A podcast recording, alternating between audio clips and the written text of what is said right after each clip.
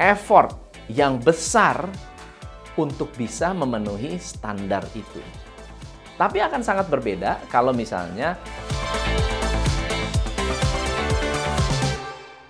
Hai, saya Tom MC Ifle, founder Top Coach Indonesia. Hari ini kita akan menjawab pertanyaan dari salah satu komen tentang leadership. Pertanyaannya adalah, Coach, apa yang harus saya lakukan sebagai leader untuk menghadapi karyawan yang tidak bisa mencapai standar kinerja yang diharapkan perusahaan? Ini adalah pertanyaan yang menarik karena tidak sedikit uh, manajer atau leader yang bingung bagaimana cara menghadapi karyawan yang memang sudah direkrut tapi tidak perform.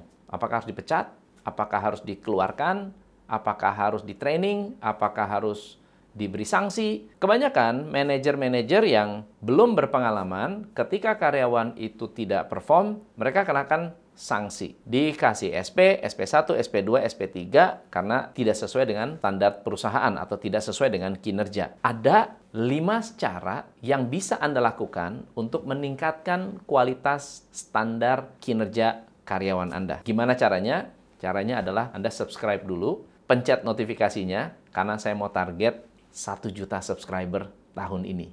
Please support. Oke? Okay?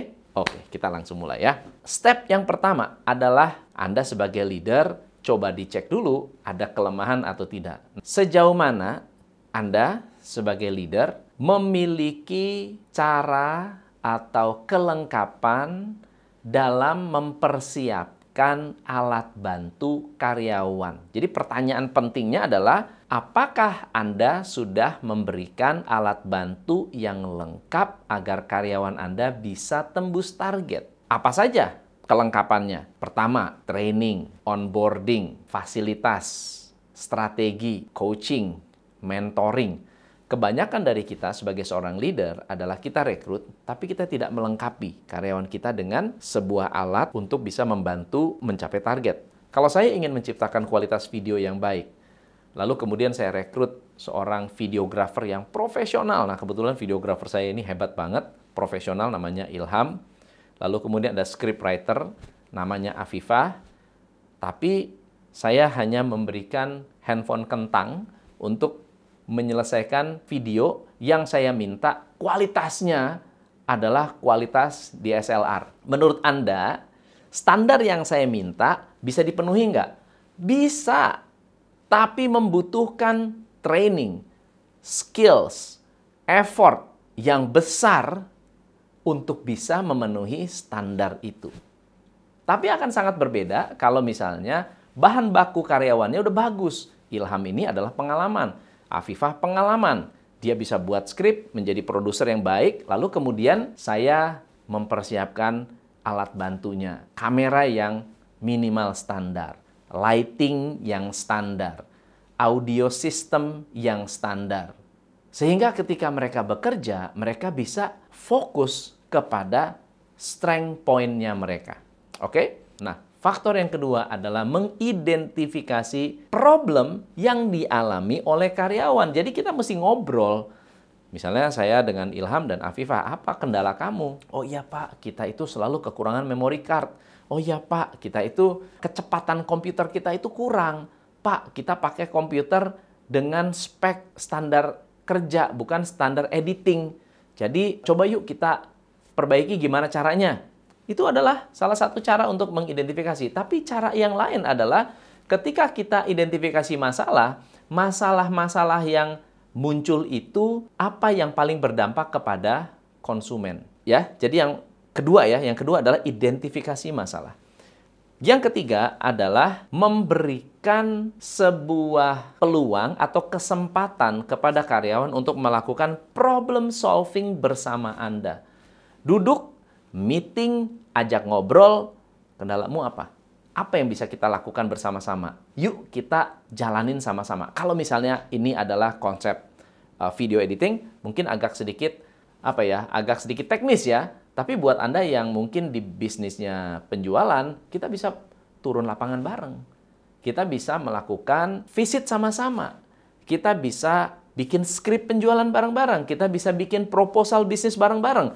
Jadi Anda ada banyak hal yang bisa dilakukan bersama-sama untuk melakukan problem solving bersama dengan tim Anda. Jadi tim merasa terlibat dan melihat cara Anda menyelesaikan masalah. Yang keempat adalah sejauh mana karyawan ini memiliki skill untuk mencapai arahan-arahan kita. Kalau saya mengarahkan seseorang untuk naik motor, tapi ternyata mereka tidak punya skill yang mumpuni untuk naik motor secara proper, pasti akan jadi masalah kalau Anda minta mereka ngebut. Atau misalnya saya punya karyawan di bagian administrasi.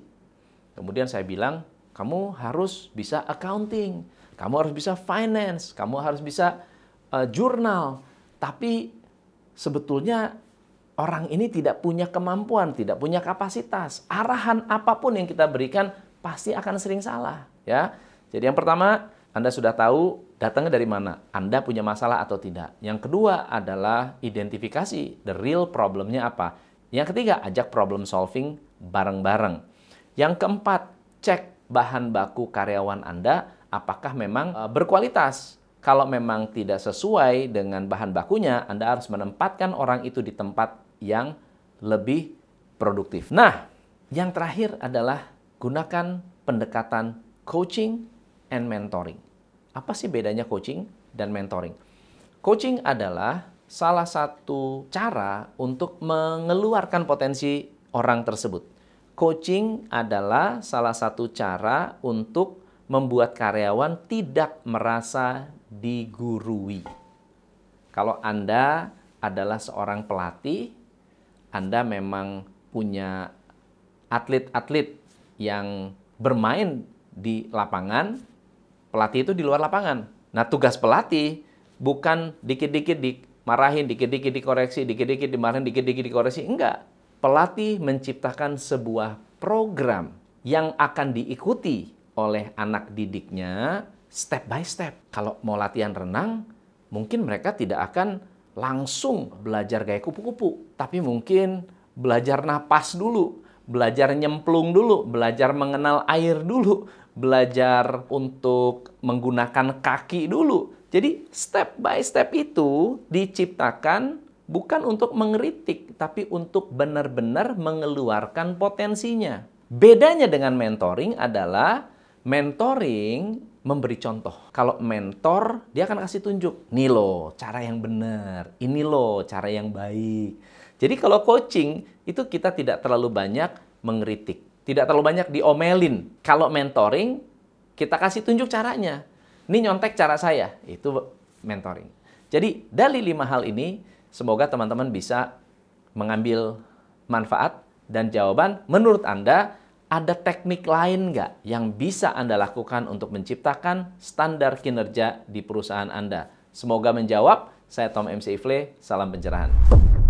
Hanya di Top Coach Indonesia.